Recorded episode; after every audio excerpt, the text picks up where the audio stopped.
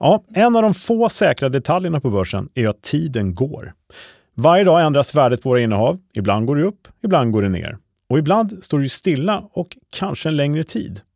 Men med hjälp av enkla men sofistikerade strategier med optioner kan vi göra just tiden till vår bästa vän och tjäna på att tiden faktiskt flyter på. Och inte bara det, vi kan dessutom utnyttja fler parametrar som kan räknas in för att skapa de bästa förutsättningarna i en osäker marknad. Hur man gör? Mm, det går vi igenom idag. Så häng med!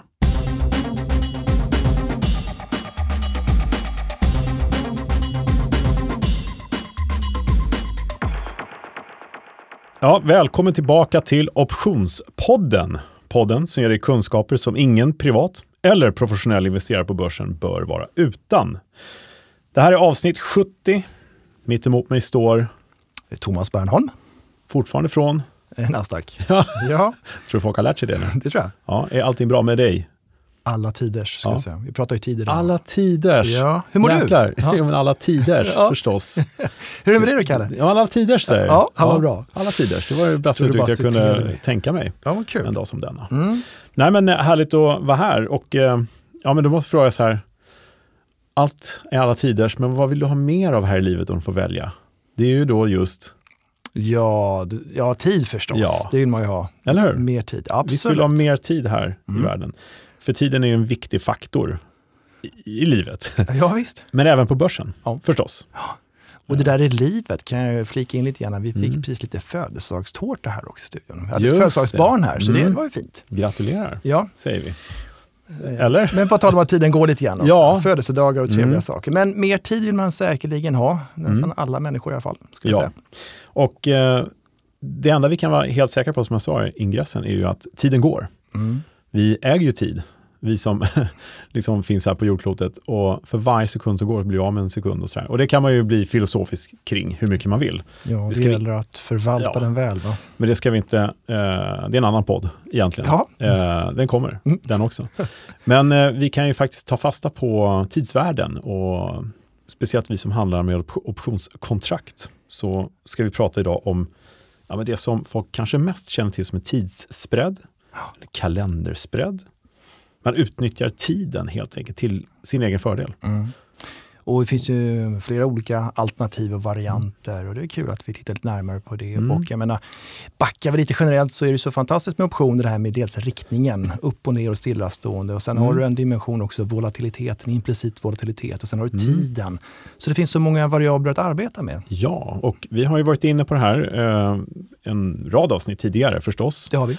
Men eh, den här tidsbredden är ju någonting som går över flera löptider i en enda strategi så att säga. Mm. Och det kanske vi inte har varit inne på så himla mycket. Sådär. Det tål att repeteras en del också, men ja. det blir lite nya eh, tillskott idag förstås. Ja, och då kan man ju börja fundera på vad det betyder. Och det här är en sån här grej som jag tycker är det roliga med optionshandel, för att det här är inte särskilt svårt sådär. Man lär sig hur det fungerar. Men mm. det finns ju fler parametrar, vi också nämnde i ingressen, att ta tillvara på. Mm. Volatilitet och tiden och ja. Ja, och man måste ju kanske, eller man bör ha lite koll på några av optionsgrekerna mm. för att verkligen få en behållning av detta. Och, och då har du säkert några som du framförallt vill lyfta fram här. Ja, jag tänker TETA, T som i tid, mm. TETA-värdet och VEGA för volatiliteten. Mm. Sen är i viss mån även GAMMA som ja, är egentligen förändringen i vårt delta, så alla fyra är ju egentligen inblandade här. Yeah. Men vi fokuserar på tidsvärdet och volatiliteten, Teta och Vega. Ja. Eh, och jag kan säga direkt att det är ingenting som du tvingas kunna för att klara av att göra en tidsbredd förstås. Men eh, det hjälper och det kan vara en bra inkörsport till att titta hur de ser ut i den här spreaden. Precis, och vi ska väl inte vara för avancerade på det temat idag, utan Nej. mer belysa bara vad man kan kika ja. och tänka lite grann på. Vi eh, öppnar för att så ett frö hos våra lyssnare. Och, Fint sagt. Ja, ja, och så kan man eh, utveckla tidsbreddar på bloggen eller på andra ställen, så kan ja. vi utveckla det själva också i kommande både webbinarier och artiklar och grejer. Bra. Men det är bra grejer att ha koll på, för att marknaden just nu är väldigt talande för just tidsbreddar.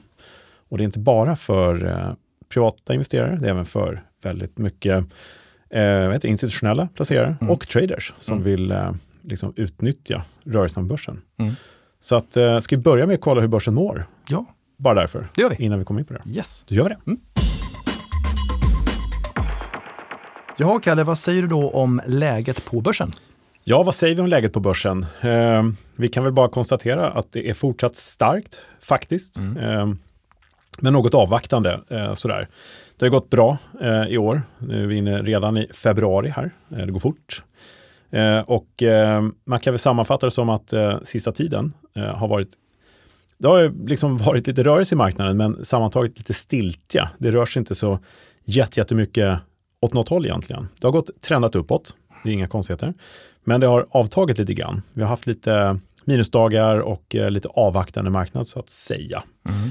Att, och någon eh, riktigt fin dag också som drog upp över 3 och sådär. Ja, precis. Förra veckan så var det ju eh, en av de bästa dagarna sen, ja, på väldigt länge. Ja. Det var upp 4% på något index. Sådär. Trevligt.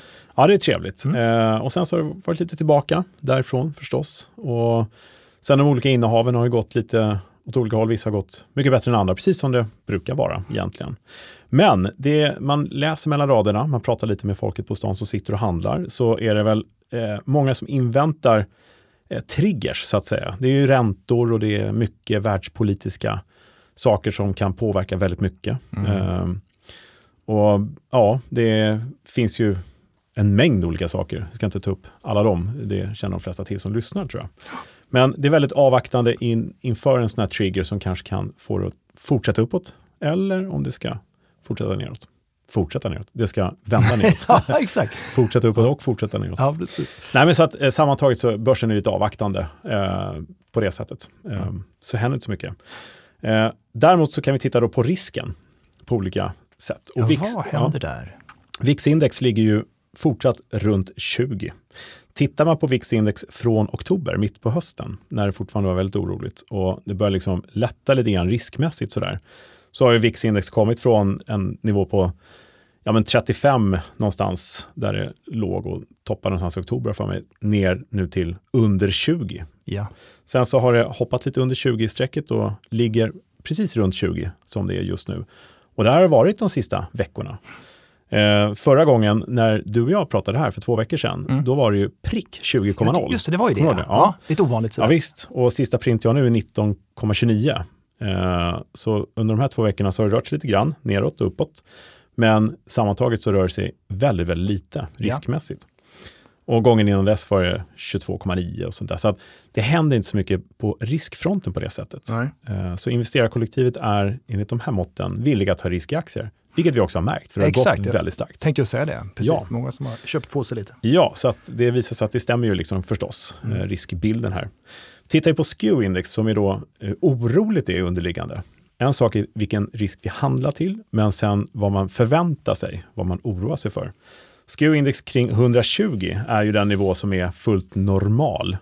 Det vill säga att vi betalar upp för nedsidesskydd lite extra. Just det. Eh, och det är inte något nämnvärt extra när det är vid 120, helt normalt. Och precis där är vi. Ja, det hade vi för två veckor sedan var det precis på 120 i alla fall. Exakt, 120,19 ja. för helt exakt var det då. Ja. Eh, nu är vi på 123,01 mm. och det är fortfarande fullt godtagbart och ja. inte något anmärkningsvärt. Det man kan fundera på här, det är ju faktiskt att det är en trend som går lite uppåt. Det tickar på uppåt. Så att eh, det är svagt, svagt stigande. Eh, så frågan är om lugnet på börsen i sig liksom föder en oro för de här kommande triggersen som folk förväntar ska komma. Och det kan ju vara någonting från Fed, som siffror, någon statistik. Det kan ju vara ja, men, någonting som händer i världen politiskt mm. och sådär. Eh, så frågan är som någon frågar sig borta i USA, som eh, brukar vara så här klok tankesmedja. Är det helt enkelt för lugnt för att vara sunt ungefär? Mm. Eh, ja, sen så kan man sitta och spekulera på det, men i risktermer så är det inte särskilt oroligt eller hög risk just nu. Nej, men sen bara spontant kan man ju kanske reflektera då att har det gått upp lite och du vill kanske säkerställa, du vill säkra en vinst så att säga, så kanske mm. vissa också köper lite skydd liksom, för att det behålla det man så att säga har fått. Ja, och så. ja, precis. Blandar vi in lite psykologi i det här ja. så kommer det ju förmodligen bli självuppfyllande över tid med en stark marknad att folk mm. vill säkra sina vinster. Mm. Och då kommer SKEW-index gå upp. Man kommer betala mer för skydd på nedsidan. Men också kanske större fonder till slut börjar ta hem någon vinst i vissa innehav som påverkar börsen i sig. Och Exakt. Kan det bli en snöbollseffekt av det hela? Ja, men just det har vi ju sett förut. Jaha, nej men tack. Ja. Inga stora rörelser med andra ord. Nej. De ligger på bekväma nivåer. Precis, så brukar jag även titta på eh, volatiliteten på VIX-index som mm. brukar skvallra en del om eh, hur eh, ja, men marknaden tänker liksom i form av hur risken ska bli framöver på VIX-index. Då. Och eh, den har ju varit på historiskt låga nivåer. Eh, Som är? Ja, alltså själva VIX-volatiliteten har ju mm. varit eh, på 80-90 nivån där mm. någonstans emellan. Den har tidigare varit en bra bit över, långt över 100 förstås, man kan titta på det indexet. Men så att 2015, eh, 2019 hade vi några dipp där. Därefter så klättrade den här eh, siffran väldigt, väldigt mycket. Och jämför man det här med VIX-index i sig självt, som blir den här ration vi pratar om mm. ofta, VVIX mot VIX-index, då ser man ganska tydligt hur eh, ja, men oron speglar sig i form av risktermer om man ska göra liksom lite så här förenklat. Så den här historiskt låga nivån på eh, VVIX, alltså på volatilitet på index, den tickar på uppåt från de här låga nivåerna. Det kan vara bra att veta. Och den tipp, tick, tipp, tickar, kan inte prata, mm. tickar på uppåt i snabbare takt än vad VIX-index gör, som ju ligger stilla vid 20. Och här är det kanske bra att du repeterar, i ett högt värde så mm. är det lite stökigare va? Ja, den här ration ligger just nu på 4,4. Eh, den har varit nere under 3 som har varit väldigt, det är den börsen som starkast, den har gått mm. upp jättemycket. Och det är ingen fara, men om det blir väldigt mycket uppgång här framöver, om vi leker med den tanken, då kommer förmodligen marknaden bli mer orolig för en vinsthemtagning eller sättning eller mer känslig för negativa triggers. Och när det indexet här, eller ration, går upp mot 6,5-7, då börjar bli läge att se upp, för då har många investerare köpt dyr nedsidespremie i form av skydd, som efter ett tag nästan blir självuppfyllande. Så här tittar man på jättemycket i USA och eh, bra att ha mm. på sin lilla desktop där man handlar. Ja, det där är en intressant siffra alla gånger. Ja, mm. så att eh, ja, man kan säga så här, om det fortsätter stiga och vara starkt och marknaden stiger i ganska snabb takt, då kommer den här ration förmodligen visa, alltså rent billigt talat, när investerare börjar ana att marknaden antingen är överköpt eller lite mer riskfylld och förbereder sig på att agera. Så så kan man tänka lite grann. Så bra att hålla koll på i all enkelhet. Bra. Ja. Jaha, så brukar du ha några kommentarer kring våra egna papper och index och sådär? Ja. Har du någonting vettigt där? För de som sitter och handlar indexoptioner på OMXS30 så har vi ju en eh, ännu lägre volatilitet där. Ännu lägre riskbild. Implicit vol på 17,9 nu, här alldeles nyss idag. Eh, och det är en edge som är plus minus noll egentligen skulle jag säga. Lite minus edge kanske. Så det är väldigt mycket stiltje. Det händer ingenting. Det finns liksom ingen egentlig riskbild framöver som är varken uppåt eller neråt. Ja. Så det ligger still. Och det är det vi ska prata lite grann om, om ett tag här, hur vi kan kanske utnyttja det lite grann. Mm. Eh, de enskilda aktierna har vi ju, ja, vi har en eh, normal riskbild överlag faktiskt. Det börjar bli lite tråkigt att säga att allting är normalt. lite så. Man kanske ska eh, vara glad för det? Eller? Ja, det har några stycken här som eh, Nibe, till exempel nykomling på index, har stigit lite grann i i, in, i uh, implicita våldtermer och har en positiv edge till exempel, någon som frågade om det. Mm. Sinch var det någon som frågade om, den har en ganska brutal implicit våld på över 150 procent. Den har ju dyra optioner och uh, har en edge som är liksom 80 punkter, någonting sånt där. Oj. Ja, så att det är, vissa aktier är i sina ytterligheter sådär. Ja. Och Ja, eh, i övrigt de mer normala, Hennes och Mauritz, eh, många som frågar om. Där har vi en mer normal bild nu, 28 vol. Där har vi haft väldigt hög vol tidigare, som du kommer ihåg kanske. Ja, precis. Det rörde sig väldigt eh, mycket där. Men här kan man gå in och titta på, tycker jag. Eh, antingen sina system eller på bloggen, där vi försöker lägga ut det. Optionsbloggen.se. Ja, precis. Mm. Så att eh, det är väldigt bra att ha bilden över en edge när man sitter och spekulerar i bara aktien i sig, eller om man bara vill köpa en enkel kol faktiskt. Mm. Och man snickrar lite på strategier, eller hur? Titta ja. lite, vilka är högt värderade just nu och vad vill jag sälja kontra köpa? Ja, och, sådär. och det har vi gått igenom eh, ganska mycket i tidigare avsnitt förstås, att det är ju mycket vunnet egentligen att köpa optioner och mer billiga. Edgen är kanske på lite minus så att mm. säga. Det är billigare implicit våld än vad den historiska varit. Mm. Sådär. Just. Och för att gå vidare därifrån, ska vi titta lite grann på dagens tema då med volatilitet och över tidsperioder och tidsspreaden och tjäna lite grann på tiden i sig. Det. Kan det vara någonting? Det är hög tid för det. Då gör vi det. Bra. Ja, Kalle, huvudtemat. Tjäna mm. pengar på tiden med optioner, sa du inledningsvis. Ja. Mm. Det är det du har tänkt dig? Ja, men någonting åt det hållet. Mm. Uh, tiden går ju, vad vi än gör. Och varför inte låta det arbeta för oss? Eh, nej, jag tänkte vi skulle gå igenom en tidsspread och eh, varför det? Jo, därför att det har kommit mycket eh, frågor om just tiden och TETA som vi har pratat om tidigare. Mm. Kul med de där frågorna måste ja, jag säga, jätteroligt. Jätteroligt. Mm. Och det ligger bra i tiden hur marknaden beter sig också. Eh, därför att det är ju lite sådär att marknaden har varit väldigt stark i år. Så, och eh, som börsen kan bli, som vi känner igen som har åtminstone sett börsen under 30 år, så är det ju så att efter ett tag så vill ingen riktigt gå in och köpa mer. Man avvaktar ytterligare triggers. Och just nu är det rapportperiod, avslutande sån. Vi har lite triggers med eh, räntor och inflationer och sånt där. Men innan man fått den här informationen så väljer man att avvakta. Mm. Och även när informationen kommer ibland så händer inte så mycket trots allt. Sant. Så då finns det ju strategier vi kan göra, vi som handlar optioner. Och en tidsbredd är just en sån. Och det som skiljer den från nästan alla andra strategier förstås, är att den går över två löptider. Så jag tänkte vi går igenom grunden till den och tänket kring den mm. och varför det kan vara bra att ha koll på den i sådana här tider. Lite som inspiration och en tankeväckare mm. kanske, eller? Lite så, mm. hur dynamiken kan fungera i optionskontrakten, hur man kan använda det här utan att det blir svårt mm. på ett bra sätt. Lovar du? Ja, jag lovar det. Vad bra. Ja, då tycker jag vi kör. Ja, men ofta kan det vara så att man har ja, men en eh, put back spread eh, och sen så kanske man gör någon annan spread mot den och sen så blir det jätteavancerat och mm. sådär. Eh, och det kan vara bra för den som har tid och ägna sig åt det. Eh, men om man bara vill liksom tänka sig nu att jag vill tjäna på att börsen kanske inte rör sig så mycket.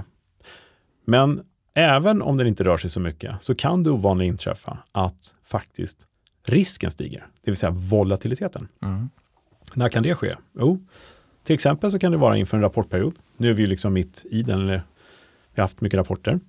Och inför en rapportperiod så blir det alltid lite högre risk. Och det kan ju ske förstås en volatilitetsökning trots att börsen står still inför rapporter. Så det är en, en anledning. Mm. Det kan också vara eh, mycket statistik som kommer sådana tider. Speciellt just nu är det inflation och, och de här sakerna. Exakt. Vad centralbankerna säger och sådär som kan ställa till lite grann. Och många tar höjd och volatiliteten höjs helt enkelt. Det blir dyrare med, med köpa optioner för att skydda sina portföljer och sådär. Så hur kan vi utnyttja det då? Är tanken. Hur kan vi vinna på både att börsen står still, men att risken ökar över tid? Mm. Det är väl lite där. Just någonstans. det, för att här tycker man ska göra en distinktion också. Vi har ju pratat ganska mycket förut om hur man tjänar pengar på mm. tid också. Men mm. då har det mer varit kanske att vi har sålt en putt eller sålt en vagga mot innehav och, mm. eller covered call och så vidare. Här skiljer sig lite grann, eller hur? För att här har du mm, kanske ja. lite mer koll på risken också. Ja, precis så. Så att eh, i de lägena handlar det mest om att bara vänta mm. egentligen. Och det kan ju vara nog så bra. Mm. Eh, ska man inte släppa om man tycker det är bra grej att göra. Ja, här är lite nästa steg då. Men hur gör man då en tidsbredd? Eh, och vi kan ju säga att man köper då en, säg en, en vanlig call, at the money, samma lösenpris som underliggande. Eh, och den man köper har ganska lång löptid. Låt oss säga att den har 90 dagar, som ett exempel. Samtidigt så säljer en helt identisk at the money call. Exakt samma grej, fast med kortare löptid. Mm. 60 dagar till exempel. Sen kommer vi, kan vi diskutera det om ett litet tag, det här med löptidernas olika längd och så, och hur man kan tänka där. Mm. Men i sin grundutförande så kan man tänka sig att det är så, det är en tidsbredd. Så du köper en at money call med lång löptid och så utfärdar eller säljer en eh, liknande, eh, exakt identisk ska säga, med kortare löptid. Mm. Mm. At money också helt enkelt. At the money. Just det. Och vinstpotentialen är begränsad. Och det är inte helt säkert vad den blir faktiskt. Det är lite spännande. Mm. Det är en grej som är en liten, liten eh, kioskvältare här. eh, men samtidigt så har vi eh, risken eh, totalt kontrollerad. Det finns en maxförlust här som också är lite oklar egentligen, beroende lite grann på här. Då.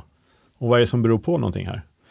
Jo, men det är vad som händer fram till förfall av den här kortare Atemanikolen som vi har köpt. Men grundtanken är att du köper en som är lite längre mm. och sen utfärdar du en som har kortare löptid. Ja. Så att du betalar lite mer än vad du får in. Ja, mm. stämmer. Ja, men och eh, tanken är här att tiden jobbar till din fördel ja. och att tetat, alltså tidsvärdeserosionen, mm. försvinner snabbare ur den som du har utfärdat, den med kortare löptid. Yes. det, det, det är strävan liksom? Ja, ja, precis så. Så att två saker som du sa är jätteviktigt.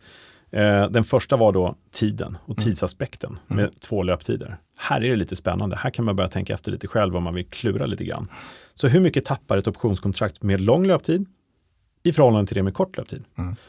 Och det med kortare löptid tappar ju mer värde närmare sitt förfall som är först än vad det längre kontraktet gör. Och det tappet accelererar ju sen om man säger så Mm. eh, mot nästa slutdag. Så det utnyttjar vi ju, att den här tidserosionen som du säger, den är ju snabbare för det kortare kontraktet. Mm. Så tiden här är ju viktig av den aspekten. Sen har du en annan sak som är superviktig, det är ju volatiliteten. Och idag, när vi står här just nu, så vet vi ju vad volatiliteten är. Det vi precis har gått igenom alldeles nyss. Vi vet ju ingenting egentligen om vad volan kommer vara längre fram. Om 30 eller 60 dagar. Det vet vi ju inte. Det kan vi bara spekulera i. Mm. Och för att vara noga där, vi, vi, då menar vi såklart implicita volatiliteten. Ja, just det. Mm. Där det handlas till Mm. just nu. Där optionspremien handlas just Mm. nu. Mm. Så vi kan, ska vi ta ett litet exempel, försöka förtydliga det? Ja. Se hur det går till. Så säg att vi köper då den här eh, 100 kolen och det här är en underliggande aktie och det är kols i det här fallet. Eh, och det här handlar om att köpa tidsbredden. Och så länge vi köper, det här är intressant, så länge vi köper det dyrare kontraktet, alltså det längre kontraktet eller det som har ett lösenpris som gör att det blir dyrare, i det här fallet lägre lösenpris än det hade varit det. Om man köper det kontrakt som är dyrare, då köper man alltid spreaden. Mm. Det är en sån här skön tumregel. Vi kanske inte har nämnt förut. Har vi gjort det? Nej, jag blir osäker. Ja, i alla fall. Vi köper en 100 kol, som vi kallar den för, för 5 kronor. Löptiden är 90 dagar. Ett exempel bara. Då har du den, då är du lång en kol, eller hur? Mm. Samtidigt utfärdar du en kol, 100 strike också, löspris 100, men för 4 kronor för löptiden där är bara 60 dagar. Så vi kan säga, för exempel skulle att det är en krona emellan. Så vi betalar en krona för den här tidsbredden. Och det är också max vad vi kan förlora. Mm. Inga konstigheter. Och det säger sig självt, eller hur? Rätten att köpa till 100 och vi har sålt rätten till någon annan att köpa av oss på 100. Mm. Och vi har betalat en krona, om det sker så är det det vi förlorar. Men nu vill vi att det inte ska röra sig eh, över tid här, så händer någonting annat. Så eh, till att börja med, vad är break-even här? Kan du hjälpa mig förklara det? Hur funkar det? Ja, alltså du betalar en krona. Mm. Och eh, jag tycker man kan börja med att säga det, det bästa som kan hända, vad egentligen det? Eh, jo, det är väl att det går, det ligger ganska stilla. Och sen förfaller de här efter 60 dagar som du utfärdat. Mm. Och då behåller du den här långa köpoptionen, Ja. som är lite längre. Precis. Då har du en nakenoption. Ja, då är det en helt annan strategi Ja. plötsligt. En vanlig Och- kol. Så det är ju riktigt trevligt. Mm. Så du har samlat in tidsvärdet och eh, har en köpoption som du egentligen har fått finansiera till ja, 80 procent. Precis. Ja. Nej, men när man kan eh, eh, sälja den kolen man har köpt till samma värde, då har man en break-even förstås. Det är ju Mm. inget konstigare än så egentligen. Men om vi går igenom den här, eh, några saker att tänka på här. Eh, därför att det som är meningen här, det är att en neutral marknadstro, över tid så tänker vi att allt annat ska vara lika i den bästa världar. Så när vi har gjort den här tidsbredden så ska det fram till förfallaren första, leker med tanken, det rör sig ingenting. Vollan är konstant, det blir helt neutralt. Då har vi uppnått precis det vi vill, eller hur? Och då kanske, eh, ja då är vår utfärdade kol, den är ju värd noll. Så att vi har fått in alla fyra kronor där, eller hur? Mm. De är ju våra. Samtidigt så har ju då våran längre option tappat i tidsvärde en hel del. Så den har gått från fem kronor kanske till tre kronor kan vi säga. Det är värdet vad som är kvar där. Allt annat lika. Sen har vi betalat en krona netto. Mm. Där har vi vår kanske potentiella maxvinst på två kronor då, netto. Om vi nu säljer det här långa kontraktet också. Så då har vi ju liksom uppnått det vi egentligen har spekulerat i. Mm. Men då undrar jag ju så här, vad är sannolikheten för att exakt det sker, att det inte händer någonting på de här 60 dagarna? Kan ske, Ja, exakt. kan ju ske. Men det kan ju vara så också att det händer någonting längs vägen. Det kanske inte rör sig så mycket. Men om det här nu är inför en rapportperiod, det är inför ett eh, presidentval, det kanske är inför ett, eh, eh, någon statistik, då kan det ju börja röra på sig en hel del. Åtminstone kan risken stiga. Så säg, lek med tanken nummer två, att det rör sig ingenting, Mm. men volatiliteten stiger. Och vid första optionsförfallet så kommer då våran utfärdade kol vara värd noll och intet, men vi behåller alla fyra kronor. Tidsvärdet som är kvar när volatiliteten har stigit i vår köpta option, som är, har då 30 dagar kvar, Vad är den värd då? Mer? Eller? Det är bara att stå och nicka och hålla med om Ja. Precis. ja, jag kan säga vad som helst. Här. Ja, exakt. Ja, nej men så att saken är den att eh, två huvudaspekter är att händer ingenting, allt annat lika, då kommer vi få ungefär två kronor i maxvinst på den här. Eh, och det är helt enkelt tidsvärdet som är kvar i vår ägda köpoption som vi äger. Men om det rör på sig förstås och volatiliteten stiger, så att det stiger kraftigt, men börsen rör sig inte nämnvärt, då kommer vi förstås ha ett högre värde och då Exakt. kommer vår vinst vara större, högre. Och där kom Vegat in som vi pratade om här för lite tid sedan. Ja, just det. Eh, Verkligen. För att implicita vålan stiger, då stiger värdet i optionen. Precis. Nej, men det där är ett bra skolboksexempel. Ja, eh, Och- och- tanken. Ja, precis. Och sen kan man ju självklart laborera en hel del. Man kanske köper en option som löper då året ut och låter den ligga, den Just. innehavda. Just. Så utfärdar du kanske bara 30 dagars optioner eller någonting sånt där. Mm. Korta optioner, gång på gång på gång. Det är många som gör så, Ja. absolut. Och eh, om man nu ska prata om lite så här optimeringar så kanske det är så att Den här podden spelas in hos man, man liksom gör det inte det här simultant utan man väntar tills det är som mest gynnsamt Mm. Att utfärda. Så det kanske är så att du, du köper först den här långa kolen och sen går upp lite Mm. och då kanske utfärdar eh, nästa kol. Just det, Då, har du liksom, då får du bättre betalt för den såklart med tanke på att det har gått upp. precis. Lite så, så man kan ju Så tänka nu- de banorna. Exakt, man, lite varianter. Mm. Eh, så att det första exemplet här med vanlig tidsbredd, den är lite statisk sådär. Mm. Eh, det är ju grundutförandet. Den går alldeles utmärkt att göra. Mm.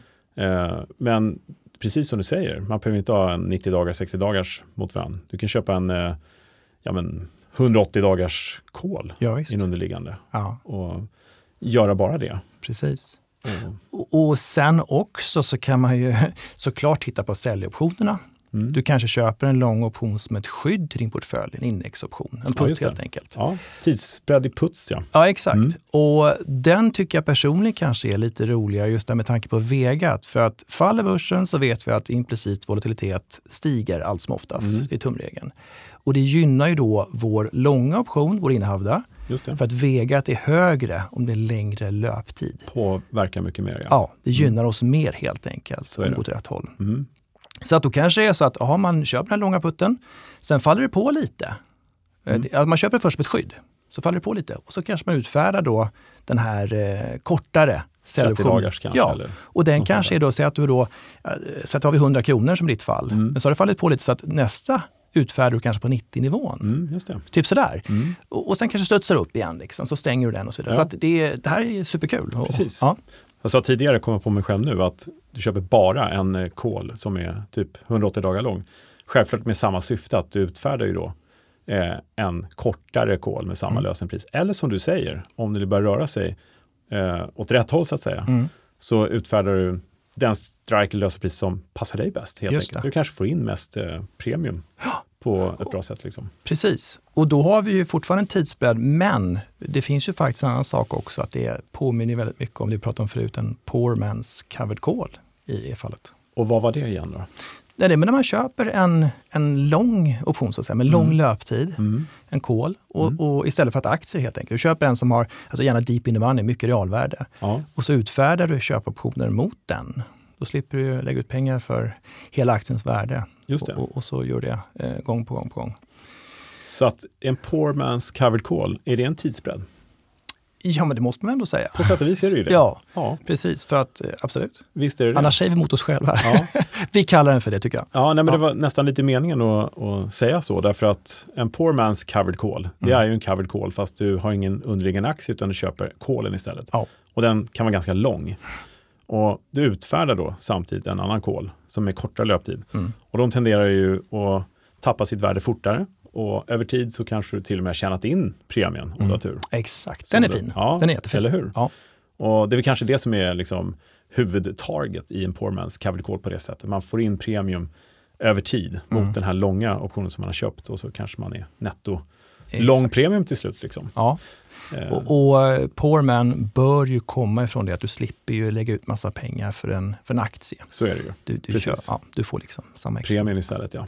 Exakt. Sen ska man vara medveten om att köpa en lång option, som vi pratar om här, är ju, eh, du köper Vega, du köper någonting som heter, alltså Gamma, Mm. du köper premium. För Mm. varje dag som går, även om det är lite initialt, så tappar det här kontraktet värde varje dag. Just. Och det är precis det vi försöker åtgärda genom att utfärda fast kortare kontrakt. Mm. Så vi får in liksom lite kompensation för Exakt. eh, den här tappet. Och gärna då ett positivt teta, som vi har pratat om Precis. tidigare. Så att den utfärdade tappar mer i värde än den innehavda. Så. Och det är här nyckeltalet kommer till sin rätt kanske då. då. Mm. Hur ska du ha koll på det här? Vilket värde tappar de varje dag? Ja, men då har vi Teta. Det Mm. visar exakt hur mycket de här optionskontrakten tappar för varje dag. Det är bara att stoppa in dem i Excel under varann och Mm. addera eller plus minus så ser man egentligen Ja, men visst. och följa det dagligen. Och, och det här låter ju eh, hemskt bra. Men Ja. ska vi ta upp någon kanske nackdel kring det här också? Då? Jag kan inga allt är bara, Ja, det är allt bara- är bara ljust det är och bara fint. göra. Ja. Ja, Nej, men men- självklart ska vi göra det. Vad, ja, men jag tänker om, man, om du köper då en option med Mm. lång löptid så betalar du en del för det. Japp. Och så har du utfärdat en som är mycket billigare i kronor sett. Den kan ha högre teta, men den är mycket billigare i kronor sett. I alla fall om, det skiljer mycket bland löptiderna. mm, Och eh, det är klart att går du åt helt fel håll så har du gjort en lite större investering i den dyrare långa optionen. mm, Så det måste man ha koll på också. Så att man inte köper en klokt. jättedyr option och så går det åt fel håll. Då tappar Nej. du faktiskt en del. och det har vi vittnat om för ofta, skulle jag vilja Mm, säga, jo. under åren. Precis. Lite så. Eh, och det kan vara lätt hänt också att man eh, eh, hoppas på att det ska vända med optioner. Mm. Jag hoppas att vi har nått så pass långt i, i informationen att det, det är fel sätt att handla optioner på, att man ska stoppa och hoppas på att det går upp som en aktie. Ja, det. Men det förekommer, så att det kostar ingenting att säga det, att det är Nej. fel sätt. Eh, lite aktivitet och Ja. koll på premien. Och det som vi sa tidigare, det har vi provat båda två en gång så det, det hör till. Ja, men det, vi har gjort de här misstagen för att folk ska slippa göra dem. Exakt. Lite. Av ren vänlighet så Ja. förlorade vi lite pengar själva. Ja, Ja. ungefär så. ja, men det är bra. Ja, men det är Mm. bra. Så att tidsbredd eh, för att bara eh, åter, eh, återberätta. Vad ska Ja. jag säga? Recap. Ja. Eh, tidsbredd är bra i en neutral marknad, men där vi kan ta tillvara på volatiliteten samtidigt. Eller kanske akta oss för volatiliteten. Vi kan ju säga också att istället för att köpa en tidsbredd kan vi naturligtvis sälja den också. Då blir det ju naturligtvis det motsatta Mm. förhållandet. Eh, och då vill vi ju ha volatilitet, förstås. Eh, det här är ju enklast, som vi brukar säga också, genom att simulera. Eh, så att man liksom har koll på bitarna. Mm. Eh, och det är också kul, för det är folk som faktiskt har gjort. Och stoppat in i Excel och eh, testat, liksom, eh, backtestat och haft sig och sådär med Mm. andra strategier vi pratat om. Och då får man bra koll på dem. Eh, tanken här är ju att vi ska kanske väcka lite tankar kring vad möjligheterna kan ge oss Mm. för liksom, ja, men, vad vi kan få ut av börsens olika element som Mm. volatilitet och tid och sådär.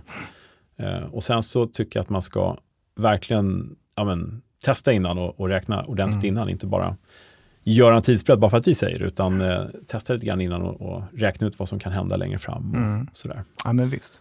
Eh, Och, och eh, det är så kul som sagt att skapa olika strategier. Man kanske börjar med en sån här så blir det någonting helt annat sen. mm. När vi pratade här om till exempel säljoptionerna här, så att om du hade köpt den med längre löptid och, och sen ser vi att den här förfaller, den här utfärdare, så har det gått ner mycket, det har gynnat dig. Då säljer du förmodligen din innehavda långa säljoption, tar Ja. hem vinsten där. Men då kanske du också säljer dubbelt så många så att du plötsligt är kort en säljoption. Ja, just det. Hög volatilitet, det är stökigt just nu Mm. och nu känner du att det här kanske är en vändning på gång. Då plötsligt en tidsbreddare plötsligt en utfärdad säljoption Ja. under ganska gynnsamma förhållanden. Så att du säljer då dina innehavda plus eh, ytterligare lika Lite många. till, Liksom. ja. Ja, lika många till kanske. Sådär. Så man tänker de banorna. Fastna inte i någon strategi, utan Nej. bygg på. Exakt, fastna Mm. inte i det statiska. Och det kanske var lite det vi, för att runda liksom runt det hela, så att det var kanske lite det vi eh, började med. Att en statisk tidsbredd, om man får kalla det för sån, Mm. grundtanken. Mm. Du, eh, ja, du köper en eh, kol med lång löptid och samtidigt utfärdar den med kort löptid. Ja. Vad som händer där vid förfall, eller kanske innan förfall, om du märker att det händer någonting. Ja, låt den gå till förfall så är du bara lång en kol. Mm. Då kan du utfärda en annan kol fast längre fram, så du en poor man's Just. covered call. Mm.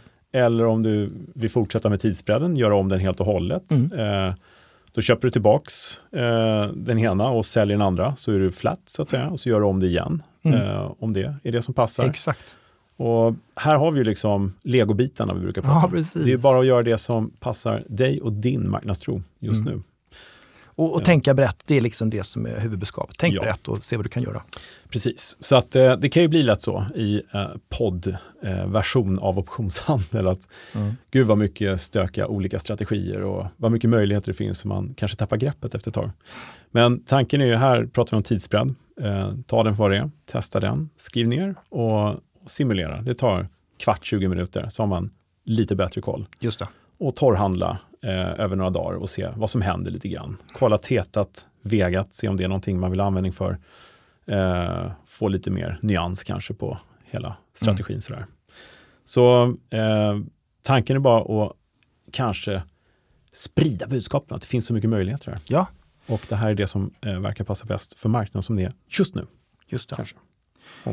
Och eh, jag får någon också fråga någon här om det är en rak tidare eh, Mm. eller om det är liksom en diagonal. Böjd. Ja, böjd. Rak eller böjd Ja. Eh, nej men det, det är lite grann Mm. också, om det är en, en rak då pratar vi om samma lösenpriser. Just det.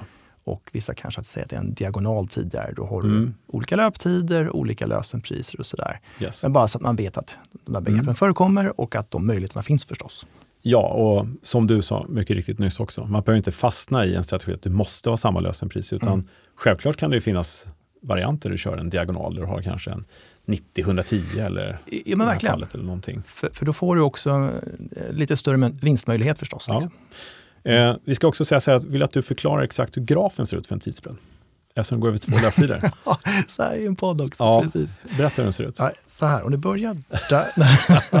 Jag tror att du får lägga ut det på bloggen. Ja, men man kan säga så här faktiskt att eh, de flesta, så här, om man tänker sig hockeyklubban för de fyra grundpositionerna, calls och puts, de är ganska spetsiga, fyrkantiga eh, och är slutdagsgrafer nästan alltid. Man tittar på en vagga eller en strut eller någonting så är de alltid spetsiga för att det är så det blir på slutdagen. Ja. Backar man bandet vid de här graferna i en månad kanske eller ett par veckor, då blir det inte den här spetsiga, utan eftersom det inte är klart riktigt var det hamnar, det finns ett, liksom, ja men ett delta var nära alltså det finns ju någon, någon sannolikhet för att det kan gå åt ändra hållet, Mm. Så blir det lite böjda, lite mjukare kanter. Det blir inte de här spetsiga. Så man tänker sig en liten böj istället för den här spetsiga eh, hockeyklubban, Mm. så blir det en böj istället. Så ser tidsbredden ut. Okej, Fast, jag tror kanske ändå du ska visa en bild. nej, på- jag tror alla fattar nu. ja. ja, vad bra. Pontus ute fattar. Ja. i alla fall. Han sitter och ritar där ute. Ja. Nej men, eh, ja, Ja, det var väl egentligen Det det, var- kanske. det var det. Ja, Ut och och tidsbreddar. som vi redan sagt egentligen, om du tänker på att tjäna pengar i, alltså på tid, så att titta Mm. vad, vad det finns för möjligheter. Om det är vaggor, sålda strutar eller Mm, så vidare. Så, ja, så det, det här är ett bra komplement att ha med i lilla Ja, paletten. Liksom. Och lite, lite extra, lite mer åt den avancerade hållet faktiskt. Ja. Med Volatilitet med och sådär.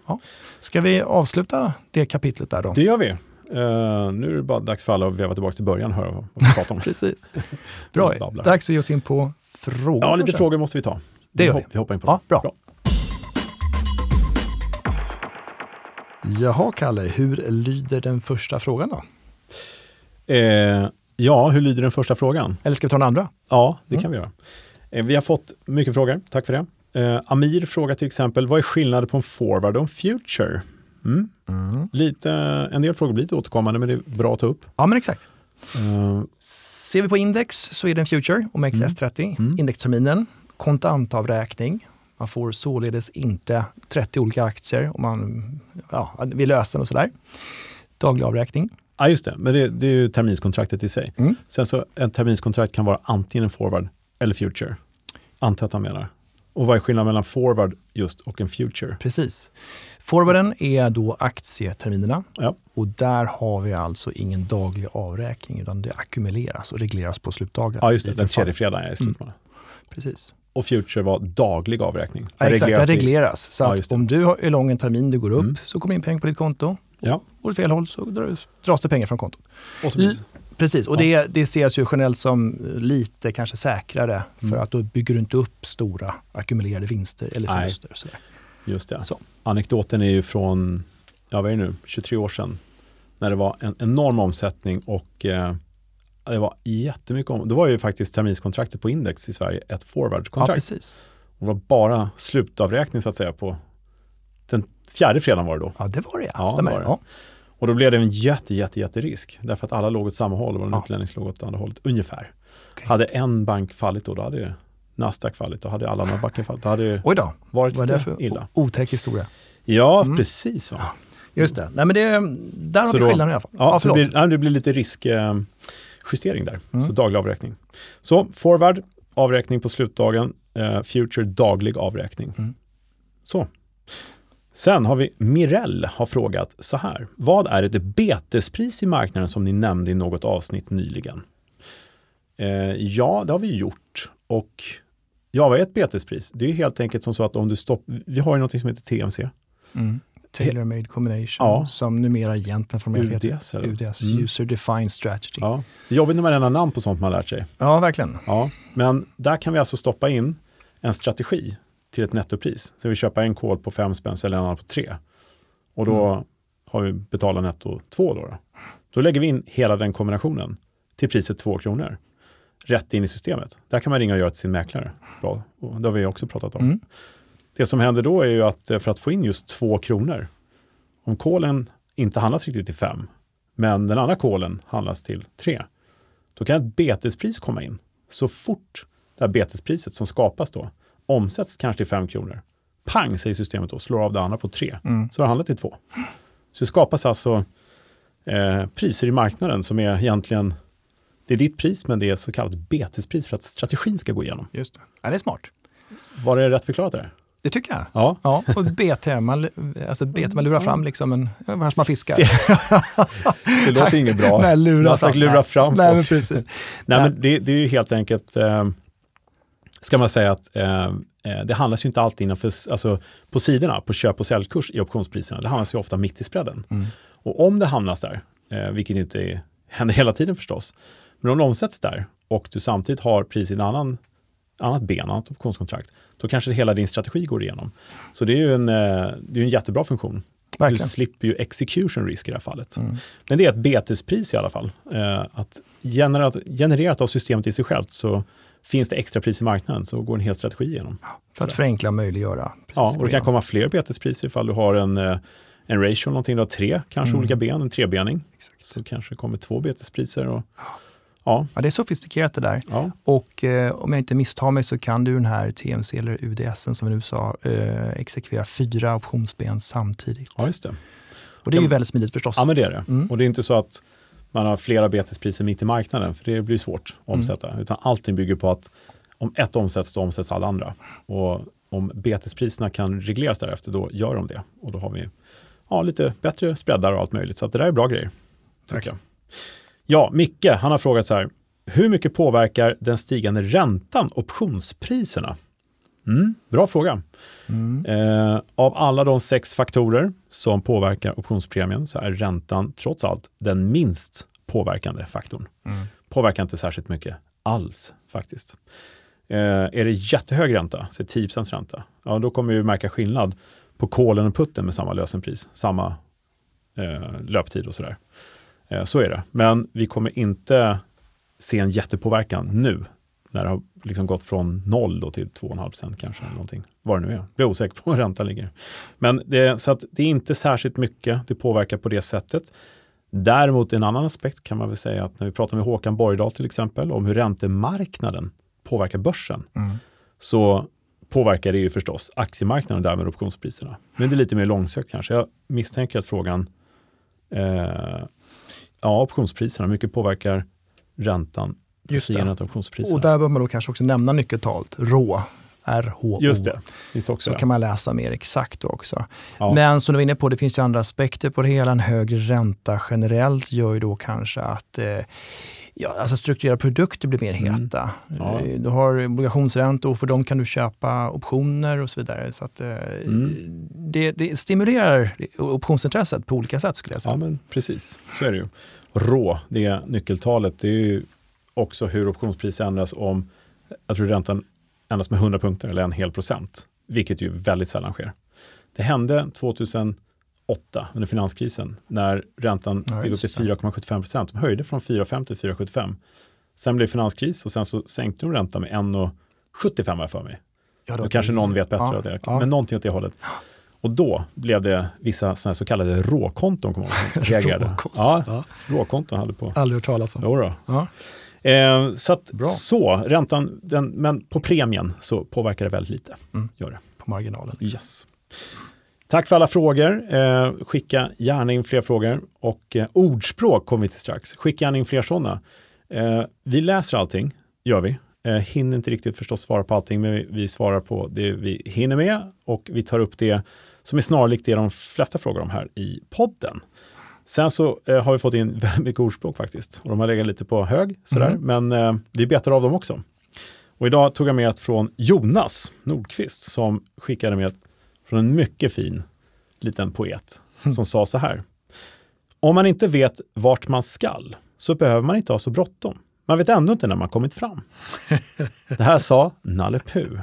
Ja, gulligt. Ja, men jag tycker det var väldigt bra. Eh, därför att eh, det handlar ju om målsättningar och en tradingplan. Det är ju bra att ha. Annars vet man inte riktigt eh, när man kommer fram, eller hur? När man är klar eller när man har uppnått det man ska. Och då behöver man inte ha så bråttom heller, vilket nästan alla på börsen har varje dag. Ja, det är sant. Så det var lite fint. Ja, det var fint. Ja, Håller med. så tack för det Jonas. Bra Ja. ordspråk tycker jag. Ja. Så skicka in eh, fler ordspråk och eh, frågor. Och så. Från Warren Buffett till Nalle Puh. Det, är- det är häftigt. Ja, Ja. båda två enorma storheter. Och någon som kallade mig för Kalle Ponken och hänvisade till snobben också. Det har hänt mer än en gång. Yes. Ja, är, Och Vad han denna koppling? ja, det vet jag inte. Nej. Det får du fråga Ja. författaren om. Han var stor optionshandlare också. Ja. Ja. Ja, ja, men du, eh, vi ska väl runda av här jag. idag Ja. då. Eh, vi har mycket som är på agendan, det är mycket som händer framöver brukar vi säga. Det har hänt mycket, vi har varit ute på turnéer faktiskt. Eh, Mm. Du har varit iväg och föreläst en hel del på universitet och Ja, men precis. Det Ja. var hos Aktiespararna i förra veckan Mm. och även Linköpings universitet och Stockholm Business School också i förra Ja. veckan. Så tre stycken sådana event. Och, eh, superkul med alla taggade människor, Mm. studenter och sådär. Och eh, faktiskt flera lyssnare till Optionspodden också, var jättekul. De kom Ja, fram och precis. Och, så blir vi glada att höra. precis. Jag har varit i Göteborg och pratat med stora fondförvaltare och Ja. sådär och föreläst för sådana. Och det kanske vi berättade förra gången, men vi berättar det igen i sådana fall. Mm. Jag kommer inte ihåg längre. Tiden går så fort här. ja. Men det är mycket som händer och det är mycket mer sånt som kommer. Ja, jag misstänker att de flesta som lyssnar kanske kommer få en inbjudan till ändra eventet här i sin lilla inbox. Eh, kommer Mm. ske. Så följ med på optionspodden, optionsbloggen så missar man ingenting. Kan man väl säga. Ja, Ja, det om det. Ja. Har du något mer att tillägga? Nej, vi brukar alltid ange lite källor, tider, Ja. kunskap och så. Optionsbloggen och Optionspodden har redan nämnt. Mm. .se på slutet av respektive, så vet Mm. man var man hittar dem. Ja, Och optionskurs.nu, din kurs där. den är bra att Mm. gå om man inte redan är där. Ja. Ja, visst. Jättemånga som, som går kurserna Ja. nu. Superkul. Helt gratis. Mm. Eh, Och vi har ju nasdaq.com derivatives eh, academy också. mm. Lite mer avancerade kurser också. Ja, Facebookgrupper har vi. Eh, Det är en- grupp direkt kopplat till den här gratiskursen där man kan fråga om innehållet, man kan fråga om allt möjligt och diskutera det man vill. Mm. Eh, Optionshandel på börsen.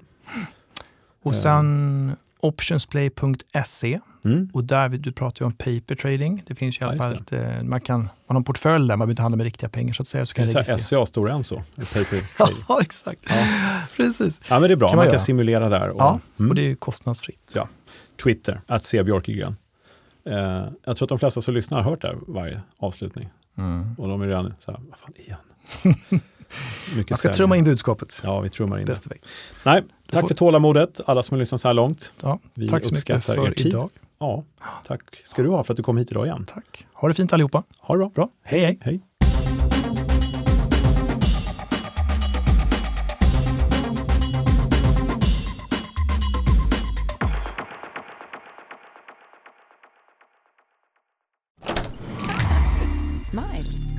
Den här podden spelas in hos Smile.